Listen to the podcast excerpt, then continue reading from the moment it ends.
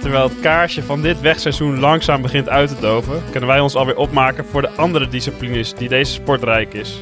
Zowel in het veldrijden als op de baan staan de namen van de Nederlandse toppers in de sterren geschreven. Welkom bij de Kermiskoers, de podcast met je broodnodige dosis vierduiding en actualiteit door je favoriete Groningse studenten. Mogelijk gemaakt door de mannen van KVM Media nemen wij op in de uiterst moderne studio aan de Pa- Groningse Paasvulseweg. Ik ben Niels de Jonge en tegenover mij zit Thijs van den Berg. Hoi. Goedenavond Thijs, hoe gaat het jongen? Ja, goed. Ja? Eh, Een beetje, eh, toch een beetje last van mijn keel. Oef. Volgens mij eh, gaat het bij iedereen een beetje... Ja, daar gaat een beetje, virusje rond ja. hoor. Ehm, maar verder prima. Ja, ik eh, was gisteren ook de stad in, dus dan, dan, krijg je dat. Ah, oké. Eh, helemaal, helemaal leuk was dat. Eh, alleen wel de politie even, die, die is er wel bij moeten komen. Kun je je weer niet inhouden Thijs? Nee, het is een beetje een ander verhaal. Want mijn huisgenoot Bent, die had zijn fiets op de grote markt gezet. ja. goed kettingslot er doorheen. En toen we dus weer naar huis waren, nou netjes om 12 uur natuurlijk. Eh, toen eh, ging, ging zijn kettingslot niet meer open. Dus eh, heel lang geprobeerd. Allemaal mensen die ook kwamen helpen, die dan een beetje zat waren. Oh, laat mij proberen. Oh, Oh, ik doe het wel. Ja, ik ben echt eh, heel sterk. Nou, dat heeft, dat heeft natuurlijk geen nut. Waarschijnlijk was hij gewoon ja, een beetje dichtgeroest of zo. Je moet er dan een drupje olie op doen en dan gaat het eh, een stuk Ja. makkelijker. Nou, dat heeft nu, nu geen nut weer, meneer. Want wat, wat doe je inderdaad als, je- als je als je kettingslot niet open weet? Dan ga je naar de politie. die stond daar. Ja, of je gaat gewoon naar huis. Nee, maar die eh, dus even laten zien. eh, ja, het is wel echt mijn fiets. Hoewel het, eh, want het, de sleutel paste er wel in Ja. natuurlijk. Eh, dus halen zij de betonschaar uit, uit, uit de achterbak en zo door binnen. Dus Echt? Ja, Oh, chill. heel, heel aardig. Oh, ik wist helemaal niet dat de politie die op zak had. Ja, Ja, nee, natuurlijk- ze moesten wel een andere auto Oh, laten komen. maar dat eh ja, staat er niet in elke auto. Maar ja, blijkbaar hebben ze dat eh, vaak nodig. Oh, nou, wat, eh, wat een keurige dienstbare politie. Ja. En dus veilig weer thuis Ja. gekomen. Maar wel een leuk avondje op stap. Zeker, zeker. Ja, het kan weer, hè, Thijs. En het, het gaat er Ja. wel ruim hard ja, gaan toe de afgelopen andere, tijd. mijn andere huisgenote, die is volgens mij nu alweer voor de zesde dag op een rij. Echt? Oh ja. is- Jeetje. Oh, dat is wel echt heftig. Ja, ik ga deze week vier keer, maar dat vond ik ook al best wel eh, veel. Ja. Ehm, want eh, ik ga vanavond het- ook nog naar een borrel hierna. Het helpt wel dat het maar tot 12 uur is. Ik Ja. vind het heerlijk. Hey, Ze moeten dat altijd doen. Ja, net iets later. Nee, joh. Nou, over later gesproken. Ik was dinsdag op stap. En toen was ik in, eh, niet naar, me, naar de te noemen horecazaak. Omdat de politie natuurlijk ook al onze podcast natrekt. Maar die, eh, Oh nee, dat heb ik ook al gehoord. Ja? Die ging gewoon tot één uur. die ging tot één uur door. En eh, om kwart voor twaalf, eh, toen riepen ze om... Ja, dames en heren, heeft er, hebben nog mensen zin in een feestje tot één? Nou, fuck Hu- Hugo de Jonge, we gaan tot één door. en ik dacht echt, nou, dat is sowieso bullshit. Ze gaan nog een Ja. kwartiertje door en dan stoppen ze ermee. Nee, maar ik was dus gisteren in diezelfde tent. En nu was het om 12 uur. Jongens, iedereen eruit. dus ik denk dat ze misschien wel een waarschuwing of zo hebben gegeven. Ja, want het was een surrealistische eh, wereld waar je, waar je dan leeft. Omdat iedereen die ik kende was al thuis of half in bed. En we, gingen ook, we liepen ook allemaal naar buiten. Nou ja, Ja, maar het was uitgestorven in de peper en de poelen. Dus iedereen zag dat wij echt wel tot één uur door waren gegaan. Maar ik vond het een hele gekke keuze. maar, maar dat lag ook wel een beetje aan, eh, aan dat het dinsdag was waarschijnlijk. Want normaal staan echt mensen tot twee uur een beetje daar bij de, bij de hoek. eh. Ja, nou bij de hoek stonden nog wel mensen. Maar dat, dat was echt best wel ver daarvan af. Dus het was daar helemaal leeg. Maar over op stap gaan gesproken. Ik heb nog een mooi verhaal. Ehm, op de, We moeten trouwens misschien ook even zeggen, eh, Ronald. Oh ja, Ronald eh, is er niet. Jullie we hadden het misschien al vernomen. Hij is niet genoemd in de intro en hij was niet eh, heel stil naast Thijs aan het zitten, maar hij is er vandaag niet. Hij had eh, andere afspraken. Andere verplichtingen, helaas. Maar eh, dan is het aan mij en Thijs om deze seizoen, eh, seizoensafsluiting een invulling eh, te geven. Zeker. Dat gaat zeker lukken. Ik, eh, voordat ik met mijn verhaal begin, trek ik nog even een blikje open. Ja, want eh, de mannen van KFV Media hebben bij de studie nu een, eh, een, eh, een koelkastje. Ja, met een minibar. Versnaperingen. hè. Dus eh, dat is wel eh, Nou, fijn om... eh, proost Thijs op een eh, mooie avond en een mooie seizoensafsluiting. Yes. Enfin, Ah. ik was aan het vertellen. Ja. Want eh, op de nacht van 16 of 17, op 17 oktober is mij iets verschrikkelijks gebeurd. Ik ben... Echt verschrikkelijk? Of, Dat was echt wel heftig. Oh. Daarom eh, doe ik dat hier nu uit de doeken. Op de nacht van 16 of op 17 oktober. eh, ik was die dag, de gehele dag op de sportsbar eh, te vinden in de Aklo. Mhm. En ehm, wij hebben met ons team, mijn volleybalteam, een eh, traditie dat er ook een eerstejaarslid verantwoordelijk is voor de kapstok. De kapstok ja. is een kapstok waar dan iedereen zijn jas eh, kan ophangen. Maar die moet dus ook mee naar de wedstrijden en weer mee naar huis. Dus Want ik- eh, bij dat soort plekken heb je natuurlijk helemaal gewoon kapstok. Nee, maar het is wel mooi om een beetje jezelf kenbaar te maken met zo'n mooie blauw-gele Donutas kapstok. En ik had die van de sportsbar meegenomen naar de, het gat. Dat is onze kroeg waar we altijd uitgaan. Dus, dus jij, bent de, jij bent die eerstejaars. eh Ik ben onder, een, een van de twee eerstejaars Oh, eh, die twee. daar de verantwoordelijke voor is af en toe. En ik had hem meegenomen naar het gat, in het hoekje gezet. Allemaal sporttassen eromheen, zodat hij niet gejat werd. loop ik vervolgens eh, naar huis en ik fiets via de Oosterstraat naar de Oosterweg, daar woon ik. En ik heb zo'n verhoging bij de, ja, bij de voordeur waar ik mijn fietsen op kan zetten. Dus er is een rij met nou 20 eh, Ja, van die ja, ja, fietsen, plekken ja. waar je hem op kan zetten. Maar dan moet je dus wel even die kapstok op de stoep zetten, omdat je, je kan niet die kapstok eh, tegelijkertijd vast hebben en hem op die verhoging zetten, je fiets. Mhm. Dus ik zet hem, nou, let ik vijf seconden op de stoep. Om mijn fiets even omhoog te zetten in het, eh, in het slot. Gaat er, eh, komt er opeens een, een klootzak met een rode jas. Die zegt, hé, hey, kapstok. En die grijpt hem mee op zijn fiets. En die, Nee! en die fietst eh, zuiden, naar het zuiden toe. En ik was, nou, ik was best wel in paniek. Dus ik sprintte er achteraan. Nou, ik ben echt wel 800 meter achter hem aangesprint. ik zei, sta blijven, dat is mijn kapstok. En nu staan blijven. Maar ja, ze fietste gewoon door in rap tempo. Dus ik, ja, ik was helemaal van mijn apropos. Ik wist niet meer wat ik moest doen. Toen ben ik nog naar mijn fiets gerend, weer terug. En ik heb een rondje door de wijk gemaakt. Maar ik kon de, de betreffende dader niet vinden. Dus toen heb ik, nou ja, wat doe je dan? Eh, Aangifte. ja? Ik heb eerst nog een eh, informatienummer van de politie eh, gebeld. Om te vragen wat ik het beste kon doen. En toen heb ik mijn situatie in vijf minuten aan haar uit de doeken gedaan. Toen zei ze, ja, nou als je wil, kun je via mijn DigiD aangifte doen. Dus op, ik aangifte doen. Ik een hele lap tekst geschreven met eh, ja, een kapstok met grote symbolische en emotionele waarde voor de volledige, voor de volledige vereniging. Is eh, mij op de nacht van 16 of 17 oktober tussen half één en kwart voor één ontvreemd. Was het, was het niet gewoon de, de andere volleybalvereniging? Die, nee, eh, daar net- was ik dus bang voor. Nou, ik was. Kijk, er zijn twee scenario's. Of het is een, iemand van onze vereniging of een concurrerende vereniging die hem voor de grap heeft gebrast. En dan krijg je hem binnen een paar dagen terug. Of het is echt een klootzak die hem gewoon twee Ja. kilometer verder in de greppel heeft gegooid. En dan Ja. krijg je hem nooit meer terug. Nou kregen wij op de maandag gelukkig een mail van de betreffende dief. Hij had echt een lap tekst geschreven. Nou, ook in hele mooie bewoordingen. dat, eh, dat hij de kapstok had eh, meegenomen. Omdat hij niemand eh, om de kapstok heen zag. En hem zo alleen vond staan daar. En hij had nog geroepen, zei hij in zijn mail. nee, dus. Allemaal bullshit. En eh, hij, hij kon hem, eh, ik kon hem bij hem ophalen voor een, eh, een geschikt vindersloon. Dus eh, ik heb hem gisteren bij hem opgehaald. Ik had hem bijna een stoot op de neus gekocht. Want ik was echt boos op die gast. Maar ik had hem, een, wat, wat was het betreffende vindersloon? ik had hem eh, zo'n grote fles La Chouffe gegeven. Oh, Oké. Maar hij is weer terecht. Dus eh, voor de mensen die bang waren dat hij eh, eeuwig kwijt zou zijn. Ja, maar nu, nu denkt iedereen, oeh, ik heb ook wel zin in een grote fles La Chouffe. Ja, dus ik moet hem nu extra goed eh, vasthouden. Ja. Ja, dus eh, ik ben in ieder geval bekend binnen de vereniging als degene die kapstok eh, kwijt is geraakt. Daar aangifte tegen Ja. maar wist diegene dan dat er aangifte tegen... Nee, dat weet hij nog steeds niet. Ik moet, hem, ik moet de aangifte vandaag eigenlijk even intrekken. Want, eh, maar ja, ik denk niet dat er acht rechercheurs op de zaak zitten, eerlijk gezegd. Nou, je weet maar nooit, hè.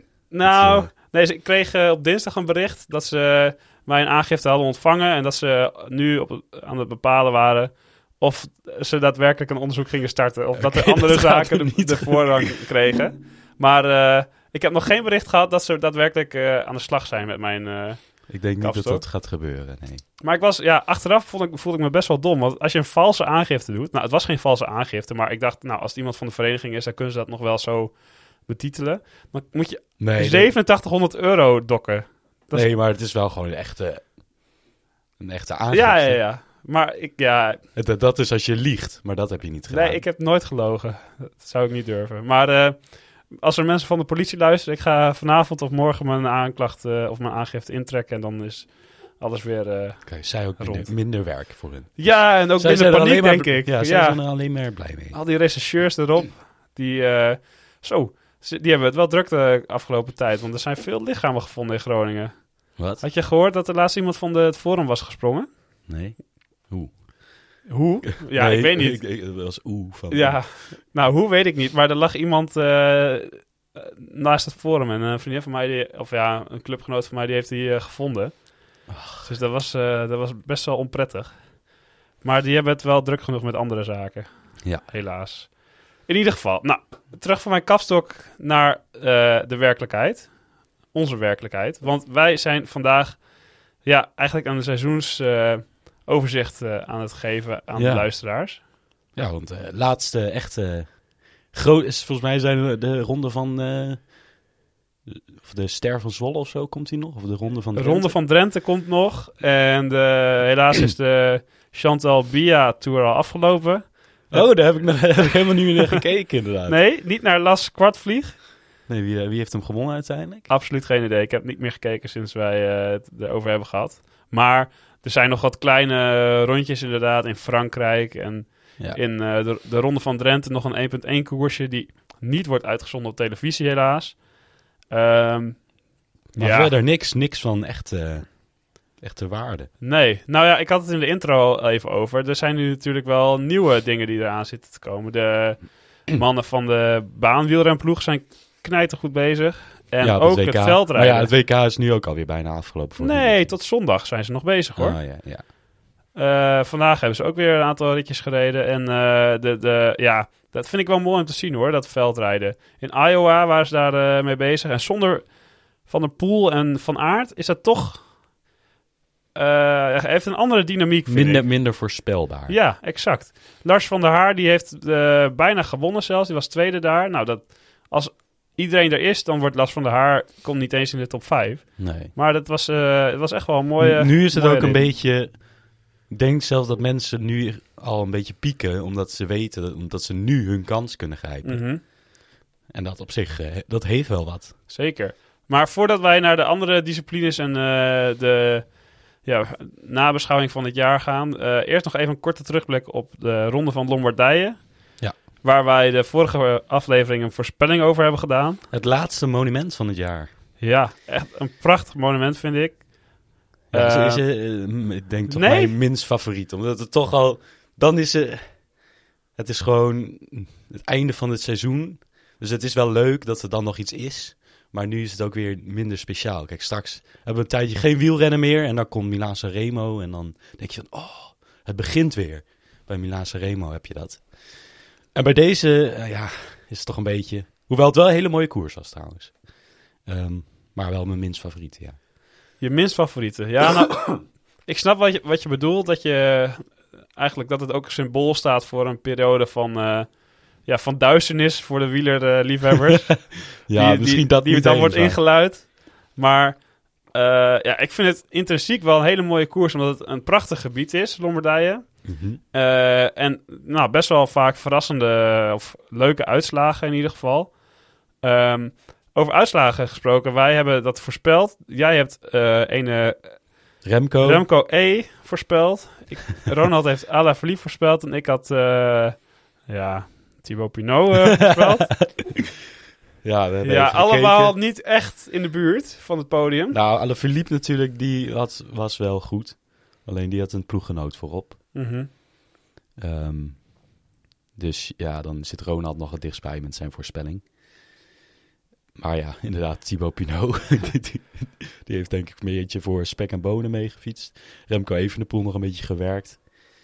Maar ja, Ja, toch eh Pinot een keurige en verdienstelijke 50ste plaats in het groepje met sites.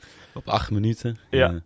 Toch even eh, zijn neus aan het venster gestoken. Nee, maar eh, dat was wel een, e- echt een prachtige koers waarin ook ja, vooral Fausto Masnada eh in zijn thuisgebied eigenlijk ja.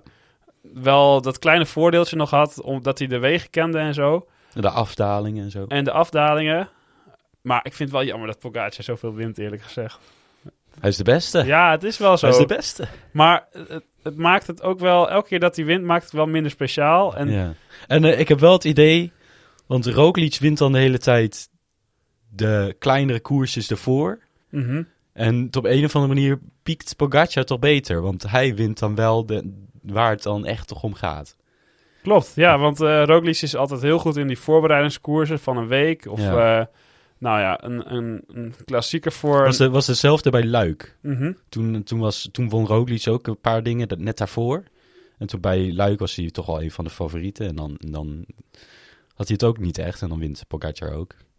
Ja, misschien moet Roglic iets beter kijken Ja. naar de indeling van zijn eh, programma door het jaar heen. En vooral Ja. het moment waarop hij moet pieken. Want ik snap wel, kijk, als je gewoon fysiek in staat bent om, die koers, om een koers te winnen... Ja. dan is het toch ook heel aanlokkelijk om dat te doen. Ja, we moeten ook niet doen dat hij slecht was natuurlijk. Nee, nee, nee. En ook niet dat het niets is dat hij die, al die dingen wel wint. Ja, want voor hetzelfde geld is dat de laatste koers die, eh, dat je echt goed bent. En dan Ja. win je die volgende koers niet. Maar het is, het is wel inderdaad duidelijk. Pogacar met twee monumenten dit jaar eh, en een Tour-overwinning... heeft wel echt de grote, grote dingen op zijn naam gezet. Ja, ik denk dat hij nu wel, nu wel kunnen zeggen dat hij toch de wielrenner van het jaar is. En dat zeggen de statistieken ook. De, hoe heet het? World Tour punten. Eh, wint hij. Als, als Van Aert misschien ehm, of eh, wereldkampioen of eh, olympisch kampioen was geworden, Mhm. dan was het misschien anders geweest. Maar nu denk ik wel echt dat Pogacar de wielrenner van het jaar is. Misschien was dat vorig jaar? Ja, misschien ook wel. Ehm, ja, toen heeft hij daarnaast niet heel veel Ja, koersen gewonnen. Maar nu was hij eigenlijk aan elke koers, bijna elke koers waar hij meedeed, was hij wel favoriet. Ja. En dat wist hij ook heel vaak waar te maken. Ehm, nou, heb jij die UCI-ranking voor je, Thijs?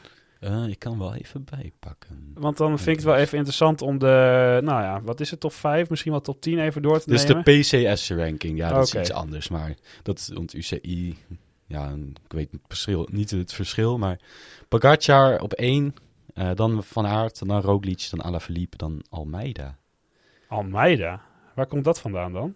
Eh, Ja, die heeft wel veel kleine koersjes gewonnen. Ja, en eh, ja, hoe heet het? Je krijgt natuurlijk ook punten voor uitslagen gewoon. en hij heeft misschien ook gewoon veel gereden. Maar ja, dit is inderdaad niet per se... Oh, de ronde van Polen, de ronde van Luxemburg. Ja, blijkbaar. Ja, daar krijg je ook punten voor. Ja, maar daar wint hij in de ronde van Polen. Dan wint hij ook weer twee etappes. En eh, ja, daar, ja, blijkbaar krijg je dan in totaal, dat is wel gewoon World Tour. Mhm. Dus krijg je wel redelijk wat punten voor. Maar ja, eh, Colbrelli op 6, die had ik misschien wel wat hoger verwacht. Mhm. Want die was echt... Maar die heeft vooral aan het eind van het jaar gepiekt, vind ik hoor. Ja, Na de, of tijdens en na de zomer. ja, misschien. Want Maar dat is was- wat wij nu natuurlijk vers in het geheugen hebben. Maar er is voor de zomer natuurlijk ook echt eh, heel veel gekoerst nog. Ja.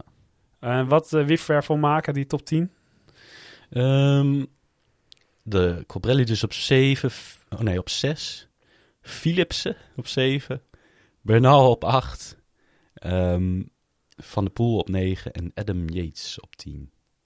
Ik, ik vind het toch een beetje een rare... Ik weet niet of de UCI-ranking anders is.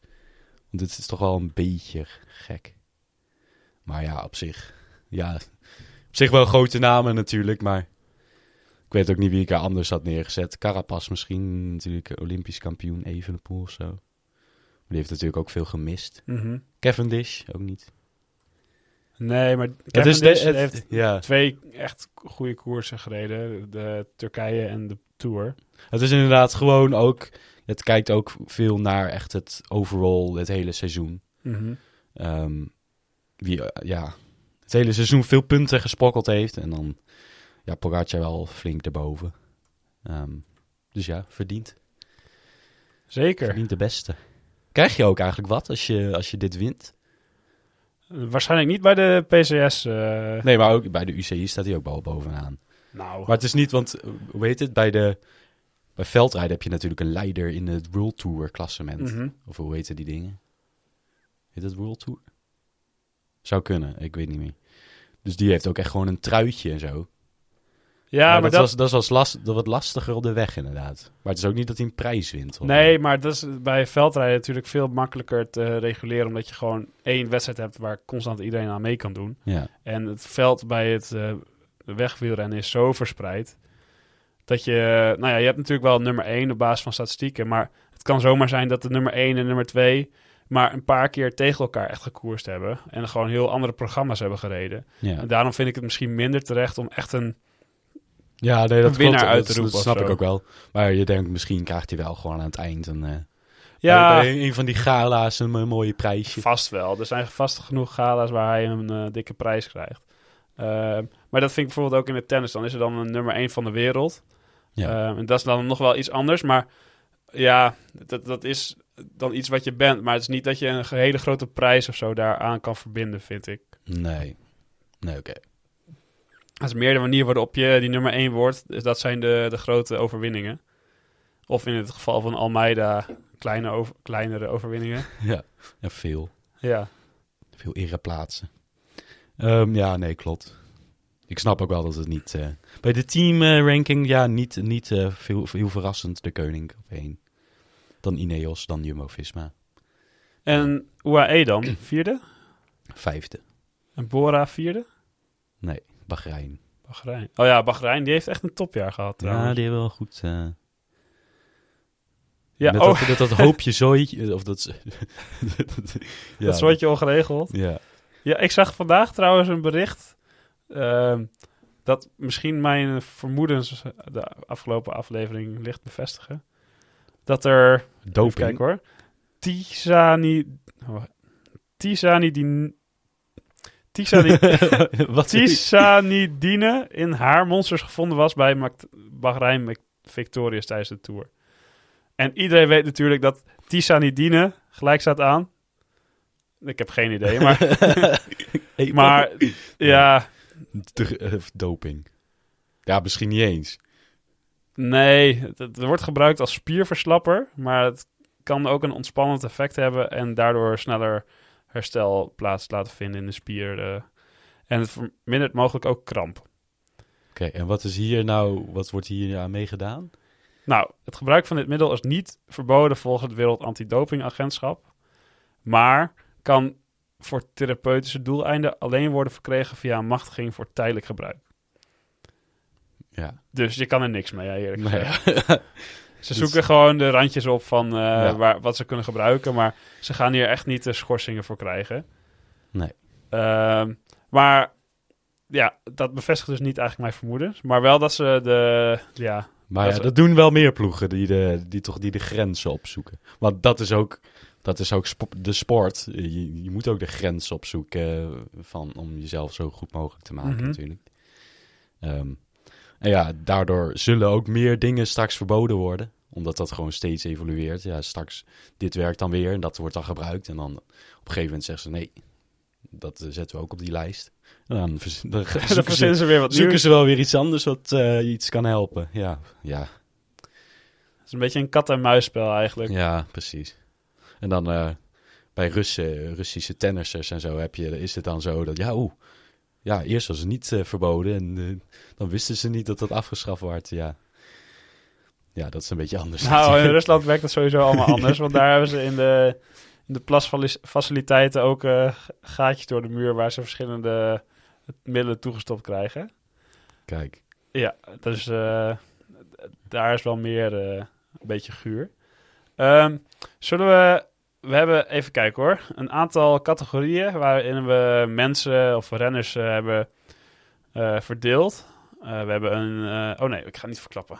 Nee. Nee. Ik hou de luisteraars nog even in spanning. maar de allereerste rubriek zal ik al wel vast even inluiden. is toch niet waar? Het is wel waar! Het is Van der Poel die de Amstel Gold Race wint. He's a great time, Charles. He's proving he's a great rider as well. Oh, chapeau, top de Malard. Kijk toch eens, Van Vleuten! Van Vleuten wint hier op de streep! Hoe is dit mogelijk? Ja, in plaats van het juichmoment van de week hebben we nou, in deze seizoensafsluiting het juichmoment van het jaar. Ja. Oftewel onze favoriete overwinning. Ja, een beetje die, die het, mij het meest is bijgebleven in Mhm. ieder geval. Nou, eigenlijk die die jij hebt, die was me ook heel... eh, maar ik heb gekozen voor de Giro etappe 3. Neem ons Ehm, mee, Thijs. Nou ja, het was natuurlijk een Gi- Giro met veel, eh, veel eh, hoe heet het? Etappe-overwinningen voor, voor de breakaway. Mhm. Ehm, en in etappe 3 was het eh, ja, toch een vrij karige ja, kopgroep. Hoewel, ja, qua namen zou je denken. Ehm, eh, toch veel eh, pro-continentale renners. En, maar ook Taco van der Hoorn. En ja, het, ja, het was toch een etappe waar je gewoon wachtte tot ze gegrepen zouden worden eigenlijk. En dat maakt het ook een beetje waarom het mij zo is bijgebleven. Omdat de verrassing gewoon zo groot was.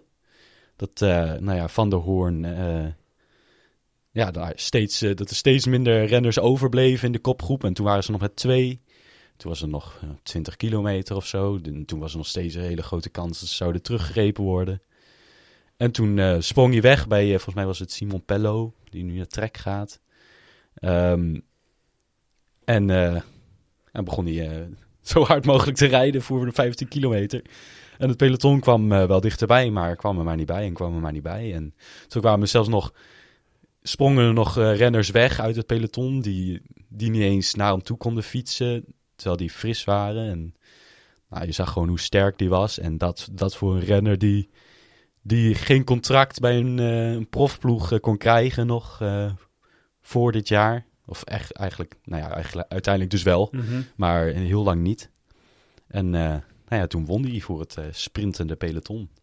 En dat is toch wel de etappe die mij het meest is bijgebleven. En vooral kwam dat door de verrassing en, en een beetje de sentimentele waarde voor, voor Taco van der Hoorn. Dat is toch wel eh, een leuke renner.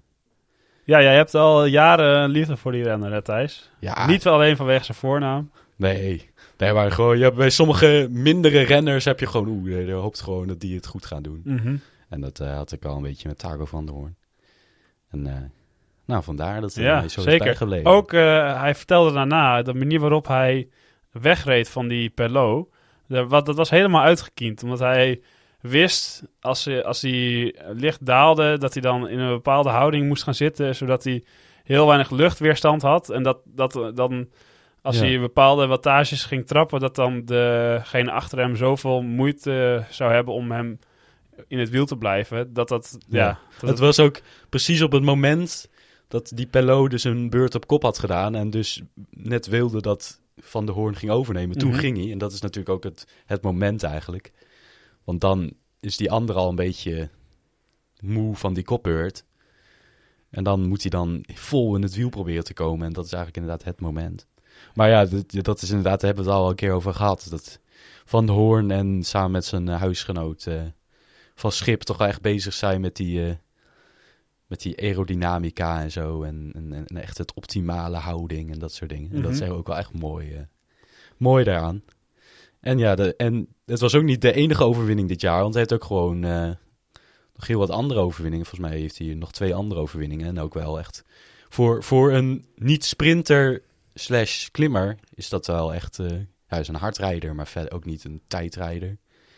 Ehm, maar is dat toch wel echt eh, een heel goed seizoen geweest. En toch wel een, eh, een goede stap voor eh, Intermarché, eh, want die, om hem eh, een contract te geven. En, eh, Ja, maar sowieso is, eh ja, Wanti of eh Intermarché best wel goed uit de verf gekomen dit jaar. Ja. Want er werd natuurlijk heel erg getwijfeld over hun eh, plaats in het peloton als World Tour eh, licentiehouder. En of ze, ja, of ze daar wel een volledig eh, goed team neer konden zetten, iedere koers. ja. Maar dat is toch wel. eh, ze hebben ons wel het tegendeel bewezen in veel opzichten. Met bijvoorbeeld eh, Eiking in de Vuelta. Ja. Had, nou ja, die Ze hebben zich in ieder geval ook van, goed, Hoorn. goed laten zien. Kijk, hè, we moeten niet doen alsof ze nu eh, eh, bij de beste ploeg eh behoren Nee, dit jaar. nee, nee. Maar er zijn een stuk meer ploegen die al jaren een World Tour licentie hebben. Die, minder in de kijk, die zich minder in de kijker hebben gereden dan eh Ja. Wanty-groep Gobert. Eh, ja, nee, dat klopt. Ze hebben zich, hebben zich goed gelaten zien. En eh, ik denk dat het goed is voor het, eh, voor het peloton. Voor het profpeloton. Dat eh, zij die stap hebben gemaakt. Mhm. En ook wel een beetje die, die renners die bij andere ploegen niet aan het werk konden, een kans gaven. En eh, dat heeft wel redelijk uitgepakt bij eh, veel renners. Zeker, ja. Ehm, nou, zullen we dan naar mijn juichmoment van het jaar gaan? Of mijn favoriete eh, koersmoment? Vertel. Nou, jij haalde het net ook al even aan dat jij dat ook wel in je top 3 had staan van mooiste momenten Ja. van het jaar. Dat is de etappe nummer 5 in de Tirreno Adriatico. Sowieso een echt een prachtige ja, echt. versie van de Tirreno. Misschien waarin- wel een van mijn favoriete etappekoersen dit jaar. Ja. Absoluut, omdat je natuurlijk Van der Poel en Van Aert tegen elkaar had eh, rijden. En Van Aert die ook nog voor een klassement ging. Wat ook echt heel goed Ja. ging. Als je kijkt welke renners daar allemaal meededen. Ehm, en het was, Pogacar, Alaphilippe deed Mhm. natuurlijk ook mee. het was echt een, eh, ja, een keiharde koers in die vijfde etappe. En ik weet nog dat ik eh, op de ba- ik lag op de bank eh, thuis thuis bij mijn ouders. En ik was gewoon aan mijn broertje en zusje aan het beschrijven van hoe, wat, wat er gebeurde hier. En was, ja, ze konden het gewoon, ze konden het niet volledig vatten. Maar ik, ik kon echt mijn ogen niet geloven. Eh, het was echt een regenachtige dag. Heel, Ja, dat maakt het ook wel leuk. heel druilerig. En ja, je voelde je je al helemaal mee met die renners. Omdat ze daar helemaal aan het fietsen waren in het Italië. Wat je normaal natuurlijk met een heerlijk weertje doet. En ja, Je zag ook gewoon renners gewoon die gewoon moesten uitstappen doordat ze helemaal verkleumd waren. En zo, het kwam ook omdat ze al heel vroeg met koersen begonnen waren. Eh, dat bedoel ik niet met vroeg in de ochtend, maar de renners maakten het al heel vroeg hard. Ehm, waardoor het ook echt... Je zag gewoon bij renners steeds een renner oh, waarvan de tank gewoon echt leeg was. Ja, ook al best Door wel de- vroeg inderdaad, ja. omdat het zo, zo snel eh, met het bek op het stuur was. En er was er op een gegeven moment een klein groepje waaruit Van der Poel eh, weg kon rijden.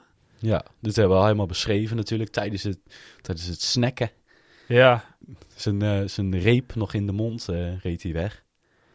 ja maar ehm, hij, hij leek dus meteen de, zo ver weg te rijden dat, dat niemand meer achter hem aan kon fietsen. Hij had op een gegeven moment drie minuten, drieënhalf volgens mij. Ja, zoiets. En nou, toen, wa toen waren sommige commentatoren al aan het juichen voor zijn overwinning, terwijl het nog 40, 50 kilometer was. Ehm, en op een gegeven moment voel je dat die euforie kantelde in een soort van vertwijfeling. Zeker bij, eh, volgens mij was het Karsten Kroon destijds, samen met Jeroen van Bellegem. Die... Karsten had volgens mij best wel snel door ja. dat het niet helemaal goed zat bij Van der Poel. Dat de tank ook al een beetje op begon Ja. te raken. En, en we moeten natuurlijk even vertellen dat achter het groepje de klassementsrenners... Het was een beetje een heuveletappe. Mhm. Dus het was niet dat inderdaad de klimmers per se eh, de beste waren. Maar daar eh, was het toch wel Pogacar die eh, wegsprong. Ik weet niet hoe, hoeveel kilometer, 25 of zo. Ehm, en die begon heel hard te rijden. Die, eh, niemand probeerde ook bij hem in het wiel te komen toen hij wegsprong. Ehm, van Aert ook niet. Die bleef gewoon zijn eigen tempo rijden. Wat hij ook moest doen natuurlijk. Mhm. Ehm, en toen eh, begon hij wel heel snel inderdaad die tijd eh, van Van der Poel. Ja, want drie minuten werden in, nou, een paar kilometer was dat twee minuten, ja. anderhalf minuut, één minuut, dertig seconden. En toen moest Van der Poel ook nog een heuveltje over. en je zag hem zo, Je zag zo hem helemaal gaan. doodgaan. Ja, hij was echt klaar ermee. En hij moest nog, nou, sowieso 10 kilometer. En toen zat hij op een halve minuut constant. En, nou ja, kijk, als er een minuut tussen, of een halve minuut tussen 10 kilometer zit tussen twee renners, dan is dat normaal gesproken, moet dat kunnen. Als ze allebei even sterk zijn. Volgens mij was het die half minuut nog wel, was het nog wel minder qua afstand. Ja, ja, want je, je zag toen ze vijf kilometer zaten dat, dat het echt 10 seconden waren. En Maar toen was het, steeds dichterbij kwam. ja, en, maar het was zo dat inderdaad bij die vijf kilometer was er nog een afdaling en dan nog één laatste hupje naar de finish. Ja, en toen voelde je al aan van, oh, hij Dit gaat, gaat dat laatste heel spannend hupje, worden. gaat hij ingelopen worden. Ja, want je dacht, ja, die, die, in die afdaling daar houdt hij het misschien nog waarschijnlijk nog wel.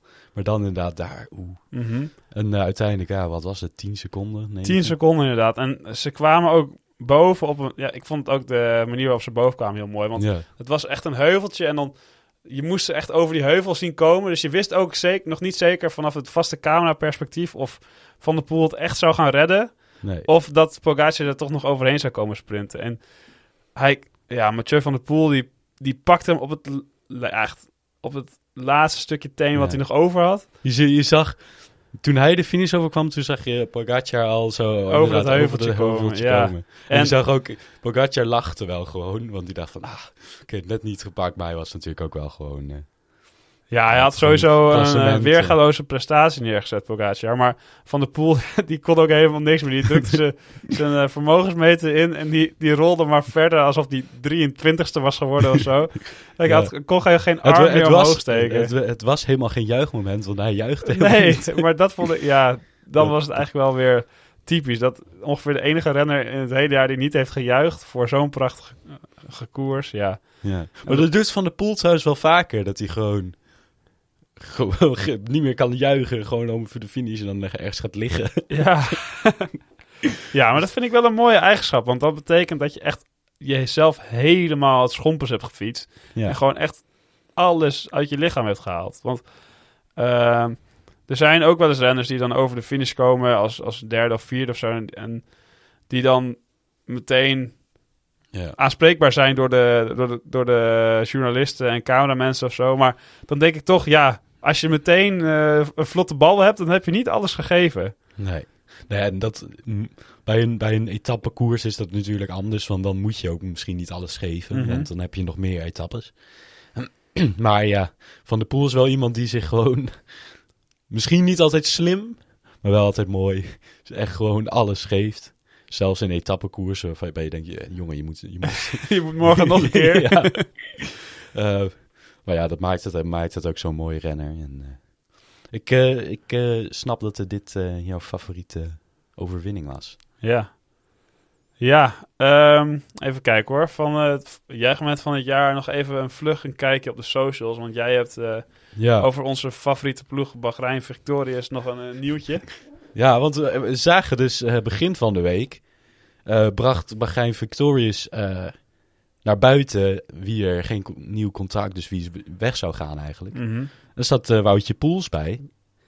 ja, Ehm, toch wel gek. Want er zaten bij degenen die weggingen, nou vijf niet hele grote namen. Nee, ja. Haller, Haller misschien, maar die had gewoon een wel. goed contract Ja. bij eh, Bora getekend. En Wout Poels, terwijl die echt niet slecht heeft gereden dit jaar. Nee, hij was niet, hij was niet de oude Wout Poels, maar hij heeft echt, echt wel wat laten zien. Mhm. Natuurlijk eh, die bergtrui bijna gepakt eh, in de Tour.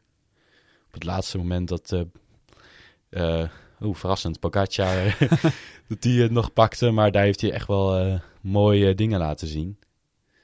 Ehm, tegen ook Woods en Quintana, dus dat zijn ook gewoon grote namen.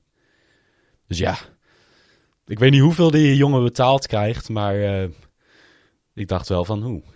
Dat had ik inderdaad ook niet verwacht. Ja, maar als, als andere ploegen in het peloton, dan zou ik daar heel snel op inspringen. Want Ja. hij heeft nu dus wel een, een contract gekregen.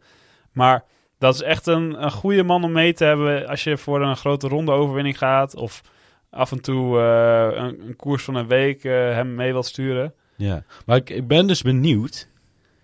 Hij, eerst zeiden ze dus, ja, hij krijgt geen, of eh, we hebben geen overeenkomst voor een nieuw contract. Mhm. Is dat dan dat ze hem een aanbieding hadden gedaan? En vond hij niet goed genoeg, dus dan denk ik, nou, dan ga ik weg. En dat ze dan later toch nog een beter aanbod hebben gedaan. Of hij heeft, eh, hij had een, een aanbod gekregen en vond, nee, dat vond ik niet goed genoeg, dus ben ik gaan kijken bij andere ploegen. Daar hadden ze niks beters, dus heeft hij het uiteindelijk toch nog eh, gedaan. Ik, hmm, Lastig. dat is lastig te zeggen, maar dat Ja. kunnen we natu- zullen we nooit weten natuurlijk. Maar volgens mij zag ik op Wielerflits ook al dat ze daarover hadden. Van eh, wat is precies de reden? Want het is wel een beetje gek dat je al zegt, ja, hij gaat de ploeg verlaten en dan uiteindelijk toch nog een contract. Ja, een van beide partijen die, eh, die eh, heeft toch nog een hand toegereikt waarschijnlijk. Ja. Want meestal, als het nog niet zeker is, dan breng je in ieder geval niet naar buiten dat hij weggaat. mhm. Dan wacht je daar even mee. Want nu, nu- dit was wel heel raar. En ik had eigenlijk, ik vond het eigenlijk wel leuk dat, we, dat hij naar een. Nou, ik, ik vind prima dat hij bij Bahrein blijft hoor. Maar ik vind het altijd wel leuk om dan, dan te zien, ja, waar, waar gaat hij dan naartoe? Ik zou het wel heel gaaf hebben gevonden als hij een eh, kopman werd bij een grote ronde van eh Wanty Groep Gobert. Ja, Dan wordt hij wel echt volle kopman en dan, dan kan hij nog gewoon eh, best wel wat bij elkaar fietsen, denk ik. Maar aan de andere kant weet ik niet of hij dat aan kan, zo'n Nee. kopmanschap. Dat- is daar... dat is altijd een beetje bij Pools geweest, dat hij inderdaad zijn beste, zijn beste koersen, eh, ook zijn beste uitslag in een grote ronde, wel zesde, Ja. was Maar dat was hij geen dienst. kopman was. Ja, Eh, dat was hij dan schaduwkopman en dan inderdaad had hij nog eentje die echt bovenuit stak. Ja, maar dat is misschien ook wel. Het is wel een, een stuk andere manier van fietsen, denk ik dan. Want dan kun je jezelf helemaal leegrijden af en toe, maar nog wel aanklampen bij de, bij de Ja. nou, favorieten. Maar als je zo'n hele ploeg, eh, ja, de verantwoordelijkheid en de druk van het. Nou ja, je hebt gewoon zeven jongens die zich volledig opofferen voor jou. Allemaal voor jou hebt rijden. Dan De ben je in je, hand, in je hoofd ook nog wel met andere dingen bezig dan alleen maar nou, Ja. af en toe eigen tempo fietsen en nu een keertje aanvallen. Dat, er zit, ligt dan best wel veel verantwoordelijkheid op je schouders. En dat is ook bijvoorbeeld waarom Tom Dumoulin nu heeft aangegeven dat hij nu misschien wel kopman wil zijn in een grote ronde, maar niet alleen kopman. Nee. Omdat dat best wel veel druk met zich meebrengt. Ja. Ehm, dus dat, nou ja, biedt wel hele leuke perspectieven voor bijvoorbeeld Dumoulin in, de, in Jumbo-Visma, waarin hij misschien met Dylan Groenewegen een keer naar een grote ronde kan gaan, dat dat gespreid wordt. Of dat hij... Ja, maar dan is hij natuurlijk nog steeds het, de kopman voor het klassement. Ja, maar dan is het toch niet de volledige focus constant op hem. Want Ja. als je de, de helft van de, van de tijd zit Dylan Groenewegen dan eh, met een sprinterstrein voor zich. En dan kan hij gewoon een beetje mee fietsen. Ja. Ja, misschien. Maar ik denk dat dat zeker dan nog steeds van, van buitenaf... Sorry.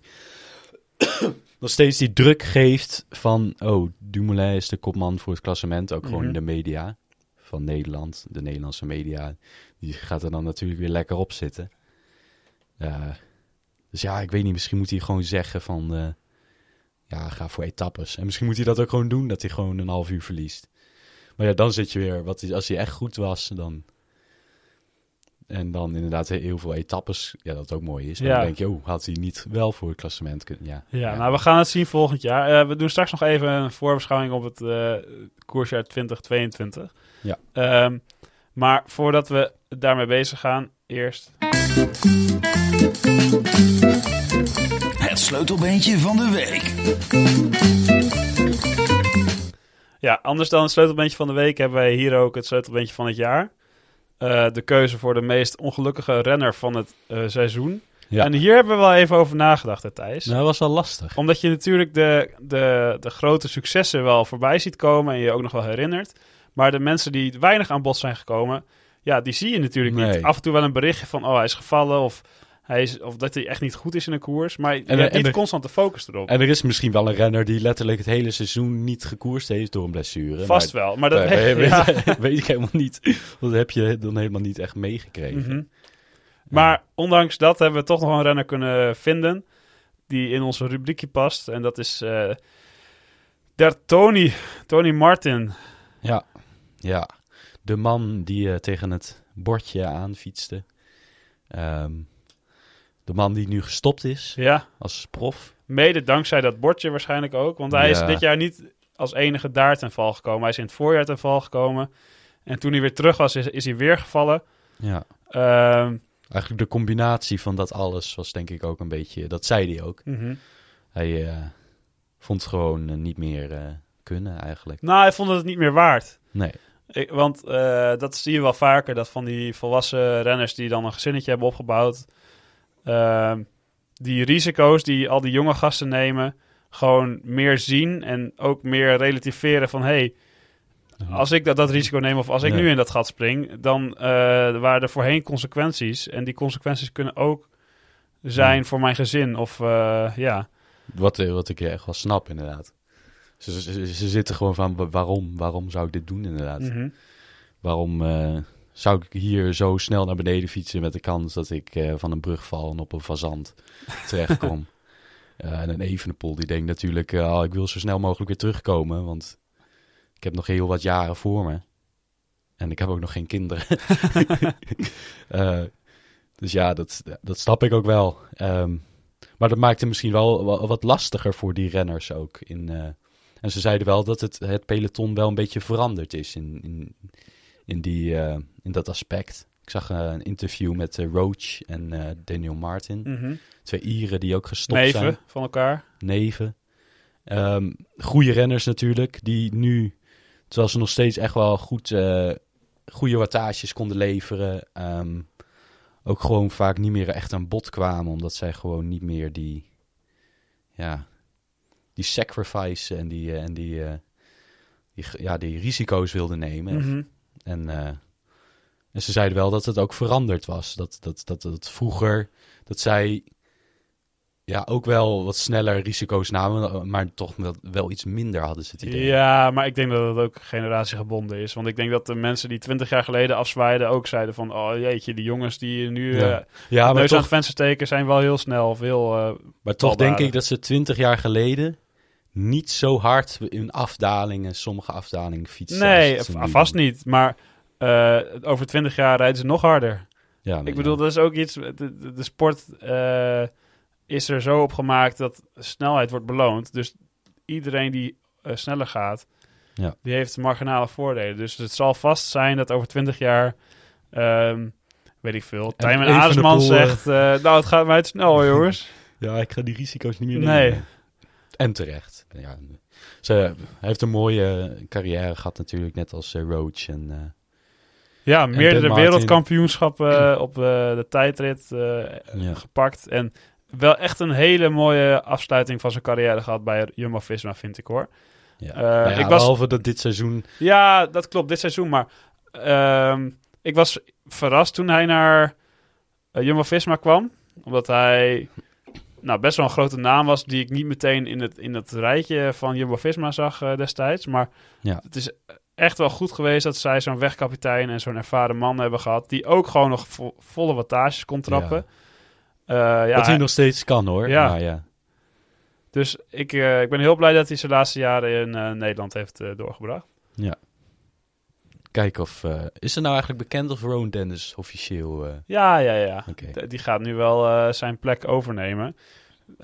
Qua, qua wattages zal hij misschien nog wel wat beter doen dan Tony Martin. Maar het moet natuurlijk mentaal ook goed zitten bij die jongen. Ja. En daar is toch wel eens twijfel over. Maar Ja, als je kijkt... het ook wel leuk uit. Ja, precies. Toch een beetje spanning Ja. en, en gekkigheid af en toe in de koers is ook wel leuk. Ehm, maar als je ziet wat hij voor de Ineos heeft gedaan in de, in de voorgaande Tour. Niet de afgelopen Tour, maar die Tour daarna. Daarvoor. Tour, wat zeg je? Giro. Giro. Eh, toen eh, liet hij wel zien dat hij wel eh, meer kan zijn dan alleen af en toe een winnaar van een tijdritje. Ja. Dus ja, hij, hij is meer dan welkom. En hij mag af en toe ook wel iets geks doen. Dan hebben wij nog wat om over te, ja. over te praten. Ja. En dan hopen dat hij niet het sleutelbeentje van het jaar wordt volgend jaar. Ja, dat zou jammer zijn. Ja. Maar eh, ja, Tony maar op zich eh, nog een goed WK. Nou ja, volgens mij ze- ze- zesde ja. Nou, prima. Ja, als Ja. je kijkt welke mannen die voor zich moet laten, dan eh, is het echt geen schande. Nee. Ehm, zullen we dan meteen even het brugje maken naar de sukkel van het jaar? Ja. Hier hadden ook wel een beetje moeite mee met verzinnen. Want het is natuurlijk niet... Kijk, in zo'n jaar met COVID ehm, is het toch een beetje anders. Eh, Ik, ik had het over... eh, voor de aflevering begonnen even over Tim Wellens. Die Mhm. eh, ook in een interview zei... Ja, ik heb gewoon het hele jaar gesukkeld en het lukte gewoon niet dit jaar. Maar ja, het is toch ook een beetje... Ja, dat het... Dat toch corona nog een beetje die invloed had... Ehm, en dus vond ik het ook wel een beetje sneu om dan zo iemand de sukkel van het jaar eh, te noemen. Een Philippe Gilbert ja, of eh, nou, wat ik ook laatst dacht, eh, Mike Teunissen misschien. Omdat hij Ja, toch niet helemaal heeft kunnen laten zien wat hij echt in huis heeft, denk ik. Maar je hebt wel meer mensen die gewoon niet hun jaar hadden. Of, of Mark Hirschi bijvoorbeeld. precies. Gewoon jongens waarvan je echt wel weet dat ze meer kunnen, maar op een of andere manier samenloop van omstandigheden Ja. dat het toch niet helemaal lukte. Maar we hebben niet gekozen om een eh, renner helemaal deze, deze trofee eh, te geven, maar eh, een, een teamleider. En wel Patrick Lefevre. ja. Die, Toch ook wel een, toch een belangrijke man voor ons podcast. ja zeker, die heeft ons van heel veel input voor, kunnen voorzien. Ehm, want wat is het een klapmogol, die gast, hè? ja. Ja, die heeft echt ongelofelijke uitspraken. Nou ja, over Sam Bennett alleen al kun je een half boek schrijven. Ja. Wat die al eh, voor Fitty hebben uitgevochten. En wat hij als ploegleider allemaal over hem heeft geschreven. Is echt ja. van stal toch eigenlijk. En dat juist terwijl ehm, het altijd zo is bij Patrick Lefevre. Als er iets gebeurt tegen zijn ploeg, dan, oh, dan oh, naar de rechter. Bijvoorbeeld met Groenewegen en zo. En wanneer Mhm. het andersom is, dan, eh, dan houdt hij zich stil. Ehm, en altijd, ja, Ja, Ja. het, het eh, spreekwoord meten met twee maten is eh, op zijn lijf geschreven. Ja, en, en uitspraken waarvan je dan denkt van hoe moet je dat nou zeggen? Over het vrouwenpeloton en ja. Ja, doe die uitspraak even. Heb je die voor je? eh, ja, dit was, dit was meer gewoon een, st- een stukje van wa- waarom hij... Het was ook een beetje op het... een beetje tegen het... Want ja, het vrouwen Belgische wielrennen, want daar ging het vooral over. Mhm. Daar zijn de vrouwen natuurlijk eh, niet, niet heel goed. Eh, behalve een, een Lotte Kopecky en een Jolien Doren misschien, maar verder niemand. Nee. Echt, echt bijna niemand. En dus er werd er gevraagd eh, of hij, of hij niet een vrouwenploeg eh, wilde beginnen. Ehm, en toen, eh, ja, wat zei hij? Met, wat moet je beginnen? Je moet die vrouwen eerst al overtuigen om wielrenster te worden. en ik heb ook niet de ervaring, tijd, geld of goesting. Dat vind ik vooral Ja, echt zo'n woord voor Patrick Lefebvre. Goesting om te investeren als ik niet weet waar ik zal uitkomen.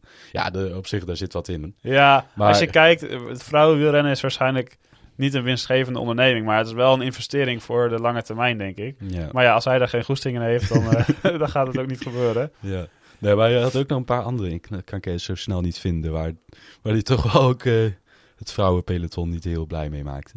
Ehm, ja, en het gedoe met Sam Bennett, ja. Zo een sprinter die dan eh, zoveel voor je ploeg geeft en dan ga je... Ja, dus en ook gewoon best wel... Het is niet dat hij niks heeft pre- gepresteerd in zijn tijd bij Quickstep. Hè. Hij heeft gewoon best wel veel overwinningen bij elkaar gefietst. Heel veel zelfs. En dan alsnog eh, zeggen dat hij mentaal zwak is. En, Ja. ja, Mentaal zwak, dat is ook zo. daar word je... Maar ja, kijk, je kan iets bedenken met een uitspraak van... Misschien motiveert dat hem. Maar dat, op geen enkele manier kan je eh, dat opvatten als... Nou, daar wordt hij vast be- een betere wielrenner van. Nee, maar ik heb ook... Hoe denken de andere renners van die ploeg daarover? Wanneer...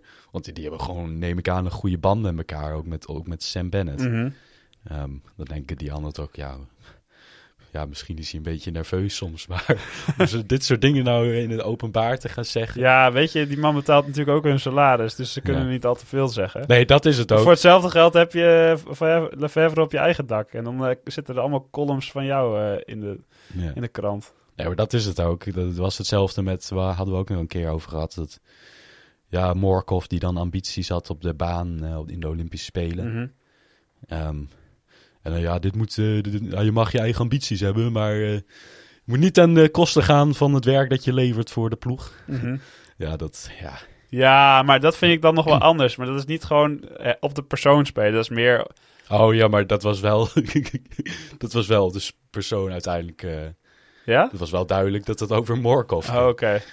Ehm, en volgens mij nog één ander inderdaad. Eh, maar ja, hij, het is, het is zijn, eh, zijn bedrijf eigenlijk. Hè? Dus op zich snap ik wel dat hij eh, zo handelt. Maar ja, het maakt hem wel een beetje een sukkeltje. soms. Ja. Maar het is toch ook leuk dat je zulke gasten in het peloton hebt. Die kan niet eh, Nee, oh, alleen maar... eh, precies. Moet ook, niet, moet ook niet allemaal lievertjes zijn. Nee. nee. Ehm, over lievertjes gesproken. Wie is de verrassing van dit jaar geworden? Ja, toch ook weer zijn. En toch moeten we toch ook weer een kudo geven aan Patrick. Want de verrassing is toch eh, Cavendish. Ja, Naar mijn mening wel, ja. zeker. Toen hij in het begin van het seizoen samen met Fabio Jacobs in de ronde van Turkije fietste. Toen heeft hij volgens mij vier etappe-overwinningen bij elkaar gefietst. En toen Ja. dacht iedereen van, huh, wat is dit? Maar toen Toen was het nog ja, met een schuine kanttekening dat de Ronde van de Turkije Ronde van niet, Turkije, ja. niet zo belangrijk is. Maar toen hij eenmaal opgesteld werd in de Tour, toen dachten ze toch wel van, hé, hey, eh, Ja, want het was inderdaad in plaats van Sam Bennett. toen. ja, Ehm, toen dachten ze, ja, en dan nemen ze Kev mee, ja, ter vervanging. En die mag dan een beetje meesprinten. Maar nee, ja, we ging wel meesprinten, maar Mhm. ook eh, gewoon eh, winnen. En eh, veel ook. ja, Ja, en dat- ook vier. was toch wel de verrassing, inderdaad. Ja, ook in een beetje samenloop met de omstandigheden dat er weinig sprinters mee over waren na de derde etappe. Want Bennett was gevallen, Sagan was gevallen. Eh, Ben- Bennett. Of eh, zeg ik Bennett? Ik zeg ik, eh, Ewan bedoel Ewan, ik, ja. ja. Maar ja, toen was het vooral de sprinters van eh Alps en Phoenix tegen uh, Tegen Quickstep.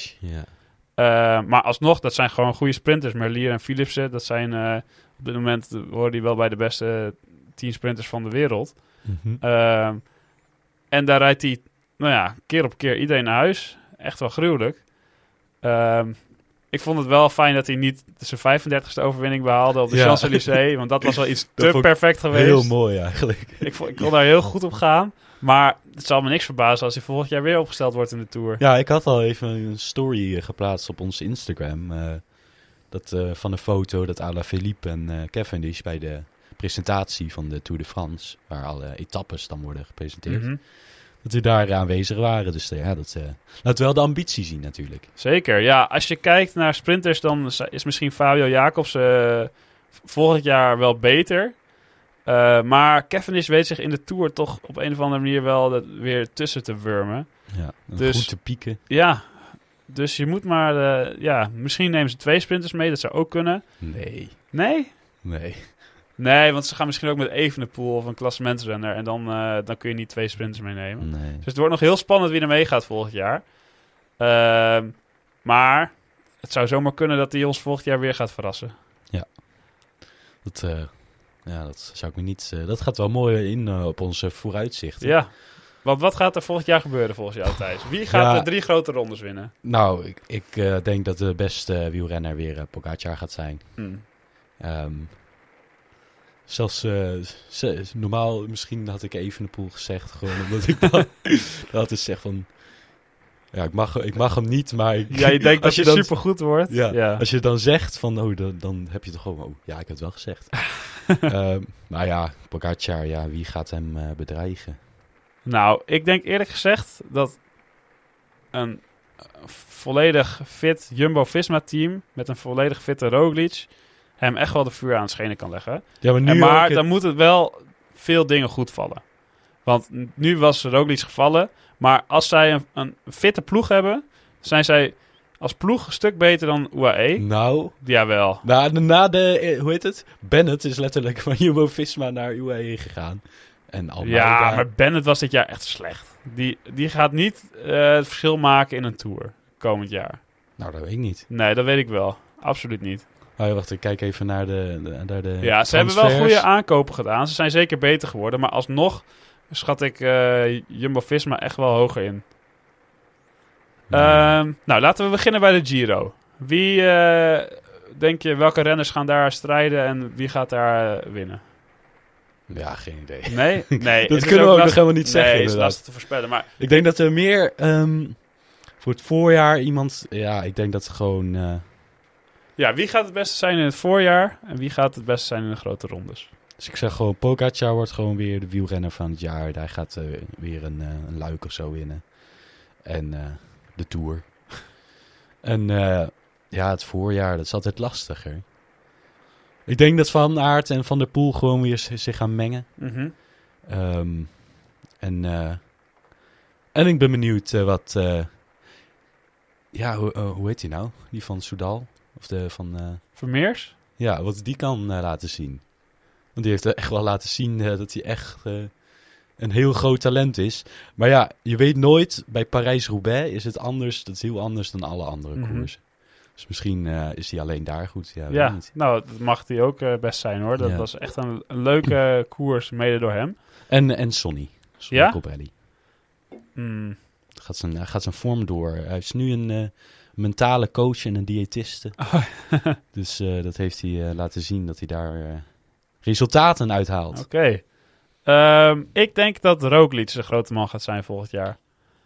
Omdat ondanks de, de ja, pech die Jumbo-Visma dit jaar heeft gehad in de Tour... konden ze nog steeds wel echt heel veel moois laten zien. De Mhm. versatiliteit was erg hoog bij Jumbo-Visma. En met een fitte Roglic denk ik dat hij de Tour kan winnen. Ja. En hoop ik dat ook vooral. En hoe moet je dan de Jonas Vingegaard daarnaast opstellen? Nou, gewoon daarnaast. Oké. Ik vind dat Roglic wel het meer verdient om kopman te zijn dan Vingegaard. Eh, misschien dat ze dan met Vingegaard naar een andere ronde gaan. Maar ik denk juist, als zij van hun Tour het hoofddoel hebben gemaakt... dat hebben ze ook uitgesproken volgens mij al dit jaar... dan moet je Vingegaard meenemen als, nou ja, met dezelfde functie als dit jaar. Als Roglic wegvalt, is Vingegaard dan nog, maar wel als superkopman. Of eh, knecht Oké. naast Roglic. Ehm, en daarnaast denk ik dat wie gaat er goed zijn in het voorjaar? Dat is sowieso lastig. Dylan van Baarle. Ja, ja. Die gaat een klassieker winnen. dat eh, hoop niet zomaar één. Dat de Ronde ik. van Vlaanderen. Ja? Ja. Hm. Ja, ik hoop. Ik eh, Ja? hoop dat, eh, dat, dit, dat hij dat gaat waarmaken, ja. En ik denk dat Nicky Terpstra ons ook nog gaat verrassen op een leuke manier. Oké. Alleen maar de Nederlandse jongens die het goed gaan doen. Ja. Voor de laatste keer dat het nog kan, want dan worden ze echt te oud. Nou ja, Nicky Terpstra. Van Baarle is niet zo oud. Nou, ook al 30. Van Baarle 30? Volgens mij 29 of zo. Nou, ja, dat is echt een groot verschil. Ja, Nicky Terpstra is 36. Ja, dat klopt wel. Ja, 29. Dat is eh, toch een zeven jaar verschil. Nou, ik zei 30, hè? Dat is één jaar verschil. Maar maakt niet uit. Oké, wij eh, verwachten dat die mannen goed gaan zijn. Ehm, wat gaan wij van ons laten zien de komende weken, maanden, Thijs? Eh, nou, ik denk dat we in ieder geval nog eh, een aflevering of twee met eh, gasten, leuke gasten gaan hebben. Mhm. Ja, nog even kijken wie precies. Ehm, en misschien eh, bij, ja, ik weet niet wanneer het WK veldrijden en zo is. Volgens mij weer in het voorjaar al. Of begin, nou, WK Begin van dit jaar, ja. Misschien dat we, bij, eh, dat we na een paar veldrijritten en nog iets anders, eh, dat we daar ook nog even leuk gaan over hebben. Ja, zeker. Ja, lijkt me eh, leuk. Zullen we wel even een pauze ergens hebben. Eh, en dan zal het eh, seizoen 2 gaan beginnen. Ja, Ja. ik heb er ongelooflijk veel zin in. Ik heb eh, van Thijs ook gehoord dat er eh, ongelooflijk veel leuke dingen in het verschiet staan. Zeker. Ehm, we willen jullie in ieder geval bedankt voor, bedanken voor het luisteren naar ons eerste seizoen. Ja. hebben veel en er komen nog een paar Ja. afleveringen, maar... eh, We, willen, we hebben precies. veel mooie afleveringen mogen maken. Er komen nog een aantal specials aan met gasten, inderdaad. Ehm, maar ja, dat was hem voor het eerste seizoen. Yes. Blijf ons vooral volgen op de socials, want daar kun je vernemen wanneer wij weer opnemen. En eh, ja, bedankt voor het luisteren en tot de volgende. Hoi.